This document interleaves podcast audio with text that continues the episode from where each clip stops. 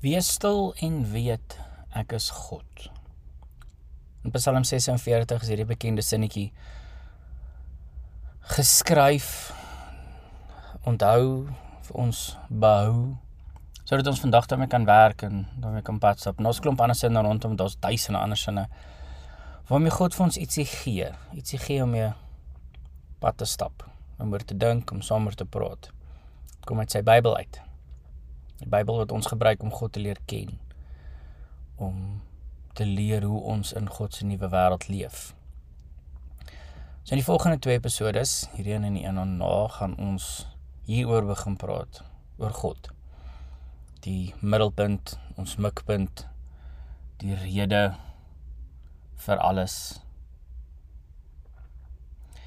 En dis 'n enorme topik. Dis 'n om God te explore of te begin dink oor wie hy is en waarmee hy besig is en of hy is en wat se invloed hy het op die wêreld en wat hy van die wêreld verwag kan die wêreld invloed op hom hê.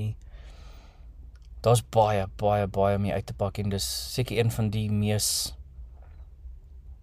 conscient contentious topics waar daar die meeste beklei word. God. Maar meer is net 'n topik ons praat hier van die skepper van die heelal. So wat ek al jou oriëntasie is teenoor God. Wat ek al oor hom dink. Ek wil jou nooi om saam met my te kom gesels sodat ons idees kan uitruil en dalk op 'n punt kan kom waar ons ietsie waardevols kan ontdek in ons reis saam met hierdie God. So baie welkom by die Wat is waarheid podcast.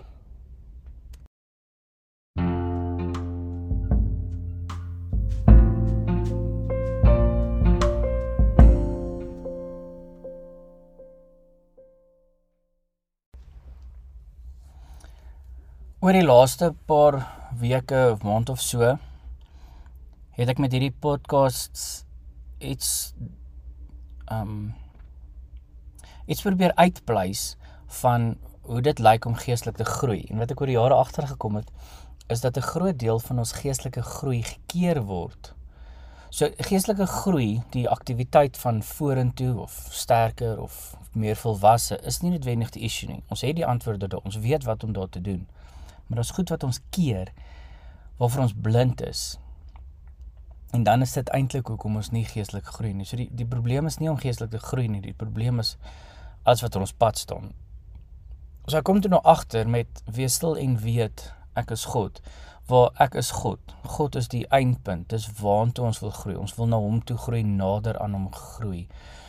Maar as eers 'n paar goed waaroor ons moet klim of wat uit die pad uit moet kom En dit gaan gaan saam so met die hele evangelie storie die die God van die heelal wat 'n idee gehad het en dit uitgevoer het en toe die binnekant van daai idee die skepping loop toe skeef dinge breek toe omdat vir hom om 'n verhouding met ons met die mens wat hy skep te kan hê vir hom om soos wat hy is in verhouding Vader Seun en Heilige Gees in 'n verhouding te kan leef met lewende wesens materiële wesens, menswesens en dierewesens. Ek nou verhouding met die hele skepping, al die natuur, bakterieë, sterrestelsels, noem dit.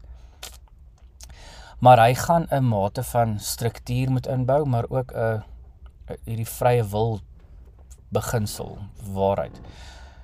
Die feit dat alles kan kies en die gevolg is die goetertjies kan kies om nie die plan te volg nie, om nie in harmonie te leef nie. Die goedertjies kan kies om dwars te trek en goed te breek en dit hulle het toe, ons het toe.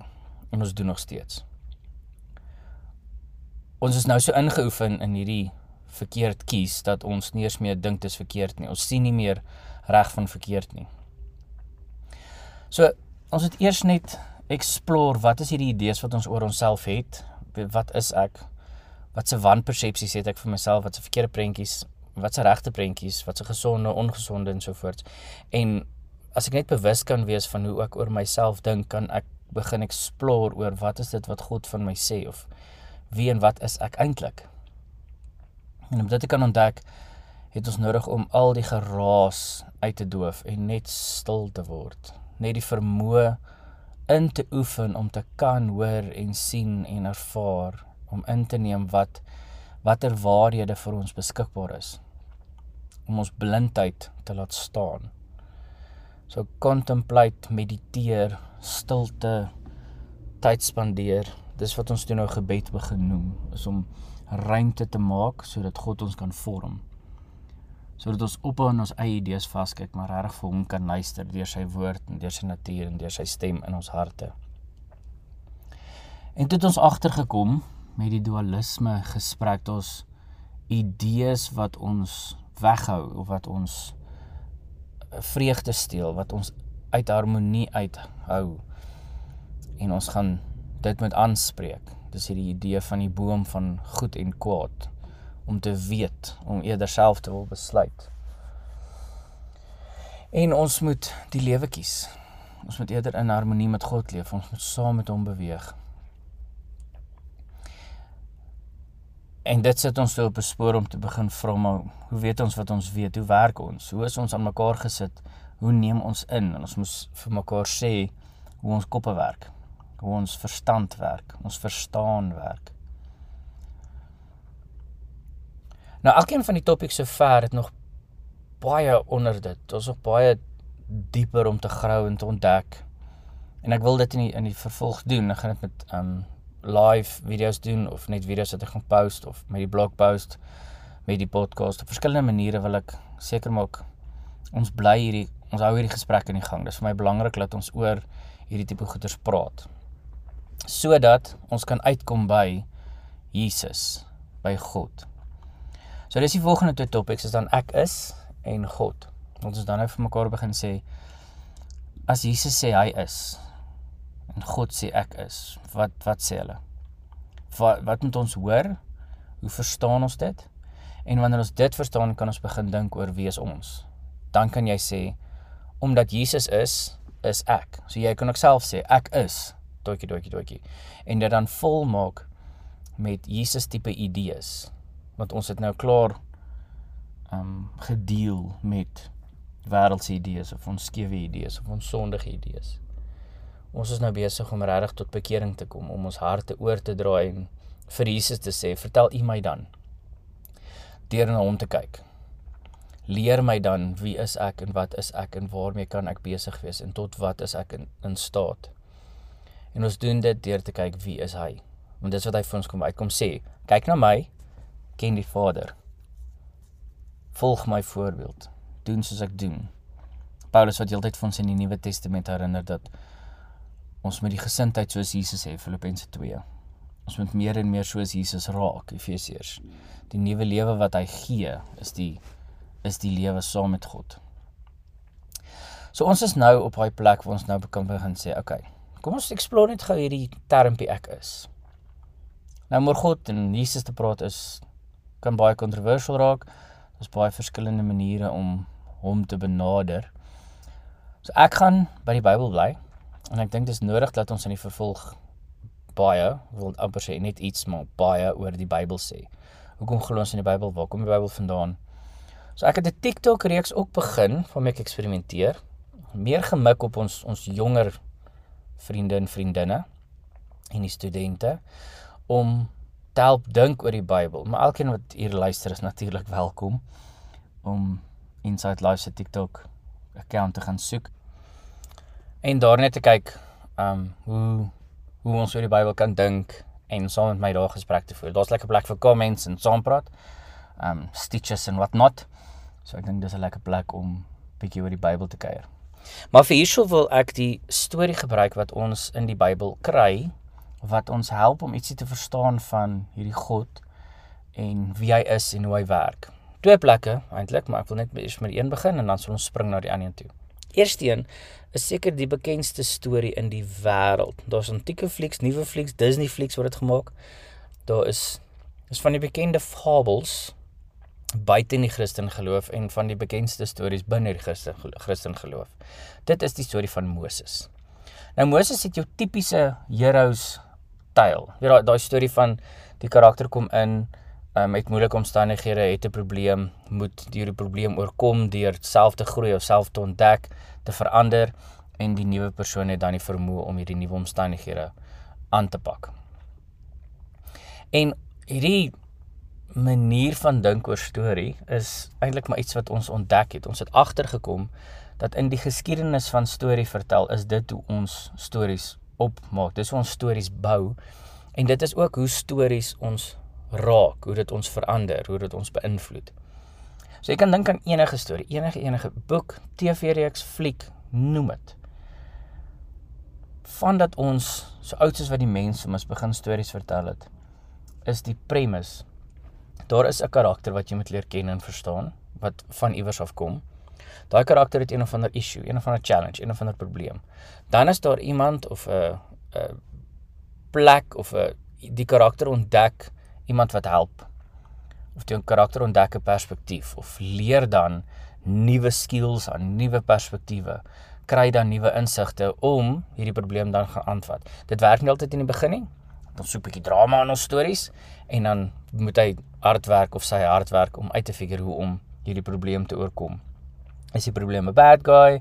Is die probleem iewers om uit te kom? Wat ook al, daar's altyd een of ander iets en ons is geleer toe ek 'n kursus bygewoon het oor toneelspel um, skryf dat as jou karakters in elke liewe toneel nie duidelik maak wat hulle wil hê nie, gaan jou audience verveeld wees. So jy kan gaan kyk as jy 'n storie al gekyk het of gelees het en jy weet nie wat is dit wat hierdie karakter soek nie. Wat is die probleem wat hulle probeer oorkom nie, dan verveel die storie. Dan is dit 'n slegte storie. 'n Goeie storie bind jou omdat hierdie karakter iets soek en jy wil weet of hulle dit gaan kan regkry.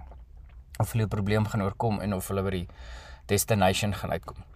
Meeste kinderflieks travel die karakters, nou hulle moet by 'n volgende plek uitkom, want hulle moet iets daar gaan kry of iets van daar af terugbring of iets is weg en dit moet teruggebring word of daar's 'n bad guy wat hulle manier van leef threaten en die moet oorwin word. Um so jy het altyd die die karakter wat die underdog is of swak is of nie weet en dan is hierdie hierdie probleem is lyk so groot en dan groei die karakter en dit is wat jou inspireer. Dis hierdie groei ding wat jou laat voel, "Ag, oh, daar's hoop in die wêreld en ek kan ook al my uitdagings oorkom. Ek moet net ook kan groei." En groei is vir my moontlik, dit kom natuurlik. Ek doen dit al van kinderdae af. Dit kom fisies vir my natuurlik, maar dit kan hier son my binnestes in my gedagtewêreld en voelwêreld en dinkwêreld kan dit ook gebeur. Ek kan groei en ontwikkel en beter word. So Moses het ook so 'n storie waar hy begin as 'n slaaf gebore in die slawerny in onder die Jode, 'n volk wat die Egiptiese nasie se diensknegte is. En omstandighede veroorsaak dat hy op die ouend aangeneem word deur die koning se dogter, die prinses. So hy word in die koning se huis groot. So dis nou, wat? Kyk hierdie wonderlike omstandighede. Dis toevallig of dis 'n wonderwerk. En hy word nou in die koning se huis groot en nou is hy net diskant Farao, die koning. Hy en sy broer of sy aangenome broer wat Farao gaan wees, word groot en hulle is toe nou die ehm um, die hoogste figure in die land. Dis interessant hoe Moses weer daai posisie gekry het net na die vorige verhale wat ons in die Bybel lees is van Josef wat deur ehm um, hoe goed hy gedoen het en hoe, hoe hy die koning gedien het, ook daai posisie weet net onder die Farao, die tweede in beheer van van Egipte. So dit is 'n interessante lyn wat daar getrek word. So vier, ek dink is 400 jaar, 300 jaar wat verbygaan het tussen Josef en Moses waar toe Josef en sy mense Egipte toe getrek het, het dit toe nou gebeur dat hulle meer en meer geword het en Egiptiese mense het hulle toe nou later onderdruk en as slawe begin gebruik. So fascinating turn of events daar. Maar Moses se storie spesifiek nou en wat vir my interessant is wat ek wil hê moet oplet is as ons jy kan die blog in die blogpost het ek nou lekker detail hieroor uitgepak waar Moses dan nou ontwikkel as iemand wat nog 'n meegevoel of hart vir sy eie mense het, vir sy Jode. So hy moes geweet het. Um ek wil die teks nog mooi gaan ondersoek om agter te kom hoe bewus was Moses. Ek het dit nou nog nie raak gelees nie, maar kan daai dat ek het nie. Maar ek kry die idee dat Moses het geweet. En Moses het toe mos nou die geleentheid gekry om iets te doen aan die situasie want hy het ook 'n hart vir sy eie mense en weet dat dit wat die Egiptenare met sy eie mense doen is nie reg nie maar vir die Egiptenare is dit verkeerd nie. So hy so tussen two worlds. En ek wil hê jy moet die die lyn trek met in jouself ook. hoe ons as Christene ook in 'n frustrerende posisie is. Ons is altyd tussen twee wêrelde. Die wêreld waarin ons elke dag leef en die wêreld wat ons weet regtig is, God se wêreld. Die een wat ons hoop en glo en nie voor kan wag nie, wat ons weet veronderstel is om te land en te manifesteer manifesteer deur hoe ons optree. Die kerk moet 'n teken wees van hierdie ander wêreld binne-in die huidige wêreld. Die huidige wêreld is op pad na 'n einde toe, hoor ons in die Bybel en die nuwe wêreld gaan kom en hy het reeds gekom en hy's besig om te kom en Jesus het hom gebring.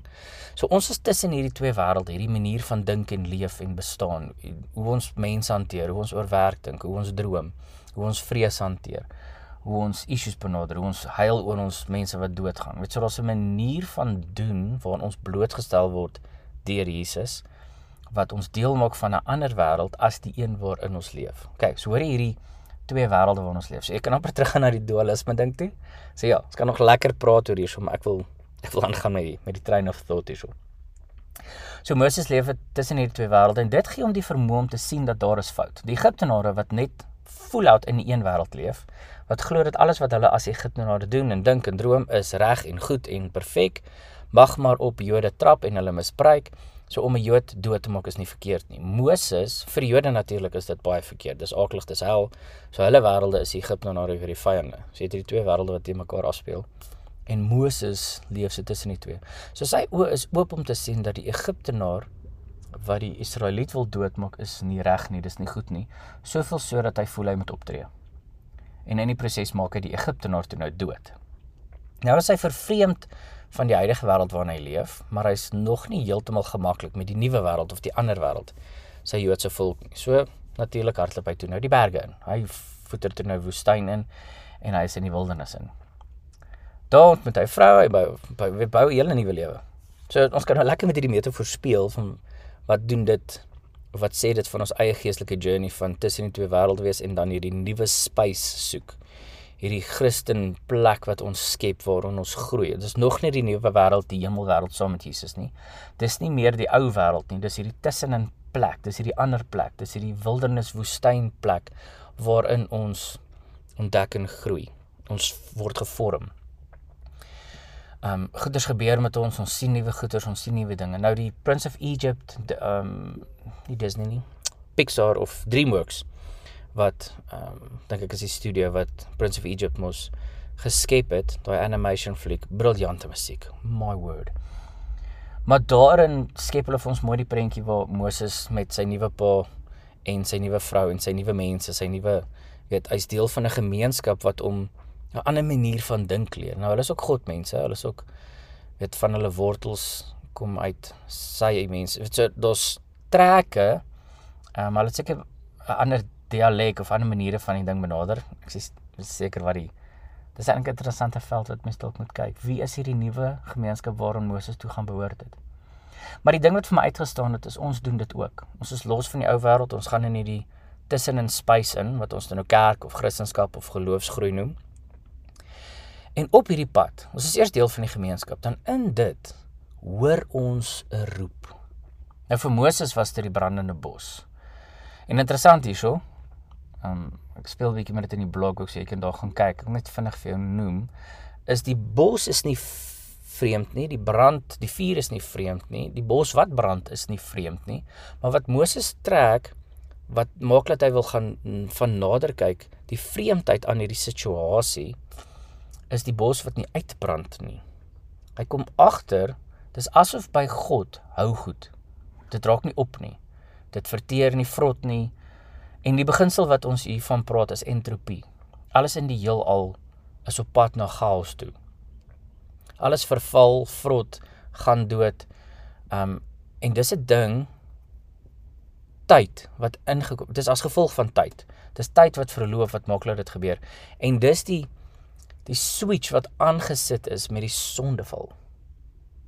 Is is 'n opinie wat ronddryf. Baie interessante thought. Om te dink die hemel, die tyd saam met God is vir ewig. Met ander woorde, die die belewenis van tyd gaan afgesit word. So hier's hier's 'n lekker ding om hiermee te speel, né? OK. So mag dit nou los. Ons kan 'n ander keer daarna kyk. Eers aan met Moses se storie. So Moses hoor toe nou in hierdie brandende bos, hierdie belewenis wat hy toe nou het, wat hy nou toeskryf aan God, wat God se teenwoordigheid is, hoor hy die stem van God wat vir hom sê, um, kom nader of as jy nader kom, strip weet al jou um, skoene van die voete af, want dit is heilige grond. En dis wat ons met stil wees bedoel.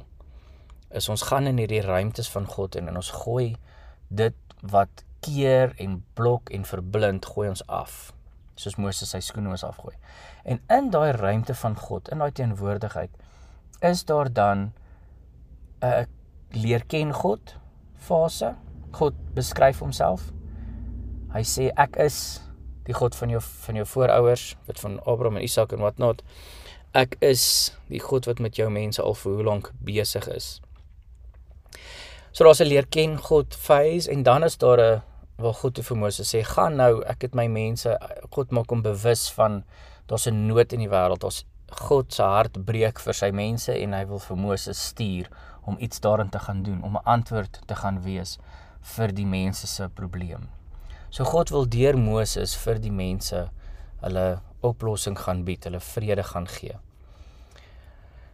Nou aan Moses se kant is daar natuurlik dan die face van, "O, kan ek nie, um, ek is nie goed genoeg nie." né? Wat ons almal het, myself twyfel.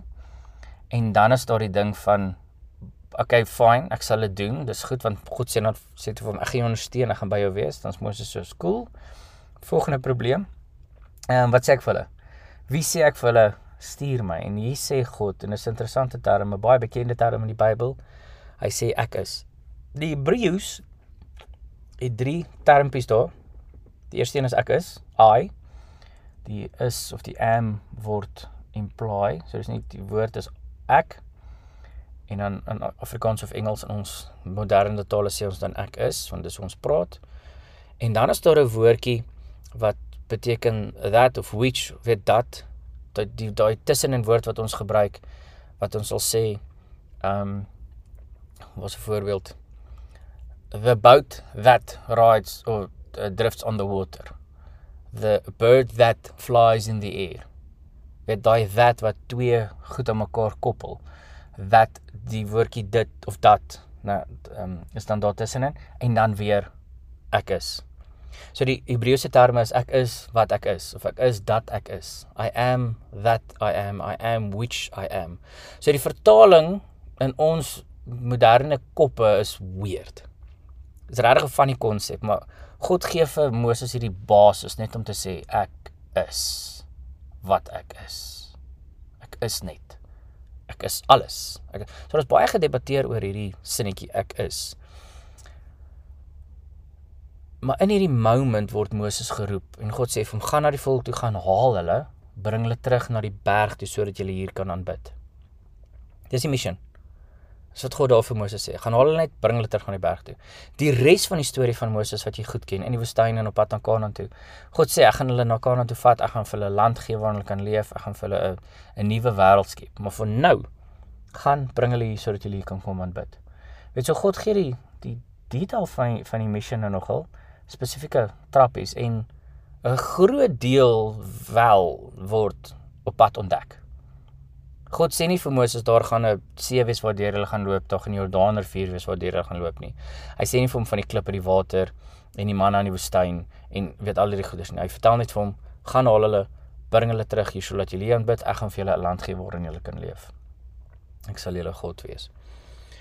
So dis so breë raamwerk roep wat God dan vir Moses sê is Kom, ek en jy gaan begin pad stap en ons gaan dinge doen in hierdie wêreld. Jy saam met my op mission. Is jy in?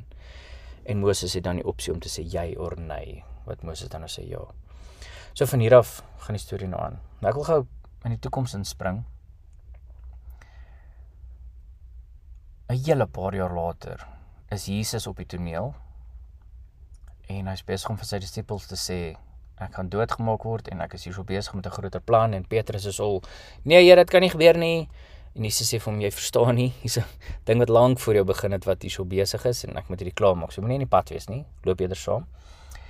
En in hierdie laaste gesprekke net voordat hy gevange gevang word of in hegtenis geneem word om gekruisig te word, vertel Jesus vir hulle dat ek is die lewe, die waarheid, die weg. Ek is. En hy onmiddellik hulle koppe moes, "Ag, oh, wag, ons het hierdie storie al gehoor." Want die disippels is goed groot gemaak in die stories van Moses en Abraham en Josef en al die antieke stories van die Joodse volk en hulle harte moes wakker geword het in 'n daai selfe ek is wat vir Moses roep. Praat nou met ons en sê hy is die weg. Hy is die pad. Hy maak vir ons iets moontlik. Hy wys vir ons 'n manier van doen en leef en dink wat ons nou kan volg. Ons het 'n ons het 'n breë raamwerk van waartoe ons roep, maar ons het nie al die detail nie. En ons gaan dit op pad vind. So ek wil met hierdie ek is konsep nooi om deur jou eie lewe te dink. En ek het 'n paar vrae wat in die worksheet vir jou beskikbaar is waar jy kan werk. Um ek lys 'n klomp idees in die blogpost ook. So ek wil vinnig vir jou gee sodat jy net hieroor kan gaan dink en dan los ek jou. Waar begin jou storie? Ek wil hê jy moet spesifiek dink in terme van hoe Jesus met jou besig is. En ook, wat is die lewe wat jy tot nou toe gelei het? Weet wat het jy ervaar? En wat het jy geleer? Waar is jy besig? Die hele journey wat ons tot nou toe gevoer het. Ehm um, waar ons eers gedink het oor wie is ons? Weet wat se dimensies van ons lewe is daar? Ons gedink het geoefen het om stil te raak en weer te hoor anders te kyk na ons lewe en ons wêreld. Hierdie pad wat ons nou gestap het. Waar begin jou storie? Dink spesifiek aan die tension tussen jou huidige wêreld en jou nuwe wêreld, die die lewe wat jy leef um as Christen in die wêreld waarin jy is. So waar begin jou storie? Waar kom jy vandaan? En wie behoort jy? Um wat is jou wat is jou verhaal tot hierso? En dan die die volgende ding op die Here se journey is waarom sukkel jy? Wat is die goed wat jou frustreer in die wêreld? En ek vra die vraag so: As jy een ding kon regmaak in die wêreld, wat sou dit wees? Jy het al die resources, jy het al die moontlikhede, alles is vir jou beskikbaar. Wat is die een issue op aarde wat jy sou uitsort? Wat jy voel kern is wat alles anders sal beter maak? Wat is die een probleem wat jy voel ons moet aandag aan gee? Wat is die grootste uitdaging in jou lewe? Het jy daar's daar's vlakke van hierdie en ons groeiplek in hierdie, maar dis 'n dis 'n vraag wat elke persoon het waarmee ons saamleef. Nou in hierdie moet jy jouself afvra wat vorm jou? En terwyl jy met hierdie ding stoei, terwyl jy met jou storie besig is, is daar seker goed wat jou vorm en ons het hieroor gepraat al en is deel van hierdie journey as jy na Jesus kyk en as Jesus met jou besig is, dan word jy bewus van die invloede op jou lewe, die goed wat jou maak wie jy is.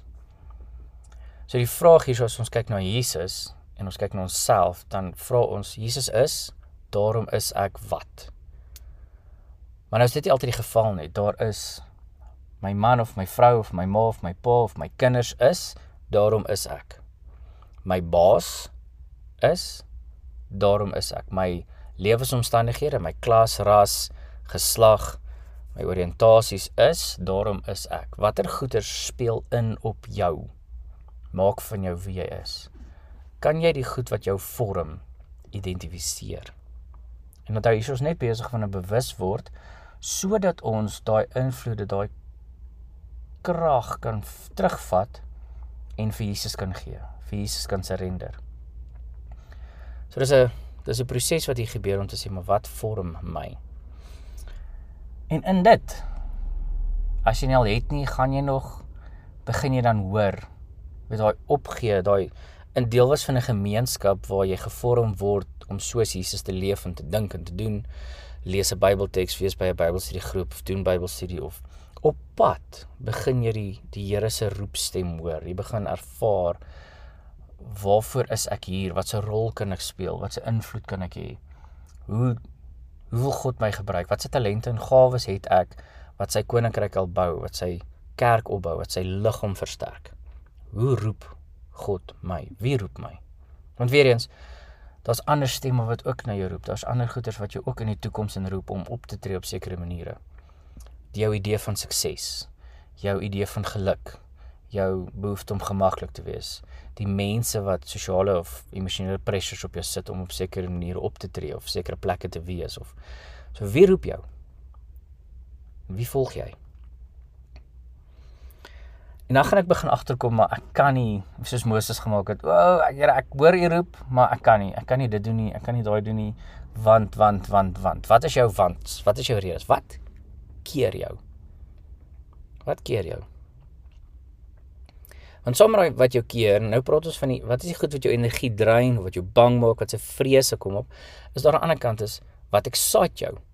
Wat beweeg jou? Wat kry jou aan die gang? Wat wat bring momentum? Wat gee vir jou? Ek wil amper sê verskoning om om aksie te neem. Ek het 'n cool term gehoor, 'n bias to action. Soos vooropgestelde idee dat ek moet beweeg. So dis daai ehm um, wat dryf jou?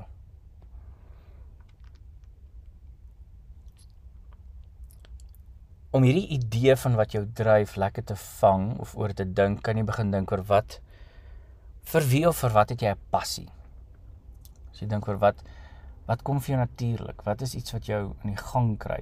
Wat excite jou? Wat voel vir jou die meeste potensiaal om vol en goed en heilig te wees as jy daarin betrokke raak of as jy dit begin doen? Waarvoor het jy passie of vir wie het jy passie? Dink lekker wyd. Maak jou oop.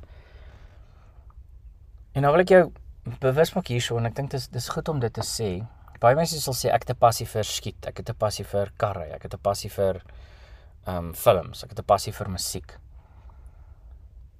Dink aan 'n kant die aktiwiteit in hoe dit jou plek of die vermoë gee om ander mense te dien, om ander mense se lewens beter te maak, om ander mense te wys dat die lewe 'n wonderlike mooi plek is. Hoe help jy iemand deur jou passie? Wat beteken jou passie vir mense? Is dit net 'n plek waar jy kan deelneem waar jy aan 'n gemeenskap bou? As jy deel van 'n sosiale klub waar jy kan um betrokke wees waar mense loved en voorgesorg voel of gee jou passie fisies vir mense waarde, kunstenaars, musieke, weet films. Kan dit vir jou passie het ander mense se lewens beter maak? En dan vra jouself, hoe bereik ek hulle? Want Moses moes onmiddellik dink, Moses moes toe onmiddellik dink, hoe kom ek by die volk uit? Wat gaan maak ek met hulle? Ooh, ek gaan my geskiedenis en my verlede moet gaan face. Ek gaan Farao, die ou seun wat ek groot geword het, in die gesig gaan moet staar. Ek gaan hierdie nuwe God wat ek nou ontdek het en dan bid vir mense moet gaan sê, maar ek is ook nou een van julle. Ek is nie meer Egiptenaar nie. Ek gaan met die volk moet gaan. So daar's 'n klomp goeders wat Moses sou moes gaan doen het om hierdie taak uit te rig. Maar hy sê nou die mense toe ons gaan en sê luister, God het my gestuur om vir julle te kom sê ons het 'n plan, ons is besig. Volg my. Hoe bereik hy hulle? Hoe doen hy dit? Wie's hulle? Wat is hulle behoeftes? Wat is die taal wat hulle praat? Hy sou uit die aard van die saak ehm um, die Egiptiese taal ingeleer het en hulle is Hebreëus. Hulle sê die die Egiptiese en die Hebreëse taal het wortels, maar is baie verskillende tale. So dis nie dieselfde taal nie. So Hy sou probably die twee tale gepraat en dink baie van die Egiptenare sou 'n klomp Hebreëse terme kon praat. En nou wil ek amper sê seker in dieselfde sin as wat ehm um, waar is 'n land vir volk wat 'n ander volk onderdruk. Slawerny is al so oud soos die berge. So die Amerikaners wat in Amerika die Indiane onderdruk het, die dink aan die wit mense en die swart mense in Suid-Afrika, dink aan ag noem dit reg oor die wêreld sou die die oppressors die leiers sou probably die taal tot 'n mate kon praat of die slawe sou die taal van die oppressors aangeleer het sodat hulle kon kon kon kommunikeer maak daar skoon gaan soen toe doen hierdie bou daai piramide ehm um, weet wat ek al so daar sou oorgange gewees het tussen die twee. Maar dit sou nie vir Moses gebaat het om na die mense toe te gaan het en sy aan weet die Egiptiese klere wat hy nog probeer in sy kas gehad het of ek net vir dit op pad weggegooi het of wat er hom gemaak het maar sy Egypt, Egiptiese wear tussen die Hebreëse daar tussen hulle huisies daar hulle gebly het inloop en in Egipties met hulle praat en sê haai God het my gepraat en gesê kom nie. Nee hy sou probably in sy nuwe gewaad die klere wat hy nou in die woestyn leer dra het want dit sou anders gewees het as Egiptiese klere in Hebreëus met hulle gaan praat en hulle sê hallo duidelik is een van julle duidelik het hy groot geword so God is met iets besig groter as ons gaan julle saam stap. So hoor jy Moses moes goed in homself aanpas en aanvat en en dit kan ek en jy ook doen. So hoe bereik ek hulle? Die mense vir wie ek 'n passie het. Na wie toe stuur God my? Na wie toe roep hy my en hoe bereik ek hulle?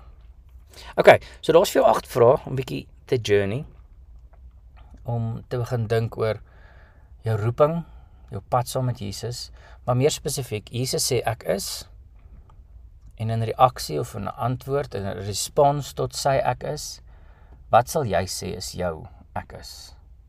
Wie is jy? Wie is jy omdat Jesus is wie hy is? Wat is jy omdat Jesus kom wys dit wat hy is? En hiermee gaan ek jou los en dan volgende keer kuier ons oor God. En ons gaan deur 'n paar tekste werk met daai een. Um ook 'n enorme topik, maar ek wil amper sê van hier af gaan ons nou begin wyd explore. Ek gaan die eerste paar pilare wat ons gebou het, eerste fondasies baie aanvat en baie baie opnoem. Maar gaan hoofsaaklik fokus op Jesus wat vir ons wys wie's God. Ek gaan hoofsaaklik fokus oor wat ons weet van God, die prentjies wat ons het van God en hoe ons God benader oor hom dink, wat ons van hom kan weet en weet en nie weet nie en wat dit beteken vir ons lewe as Christene en hoe ons dan nou geestelik kan groei, as mense kan groei, as God se mense kan groei. OK. So dan sien ons mekaar volgende keer. Of eerder ek sien jou op pad. Mooi bly, sterkte.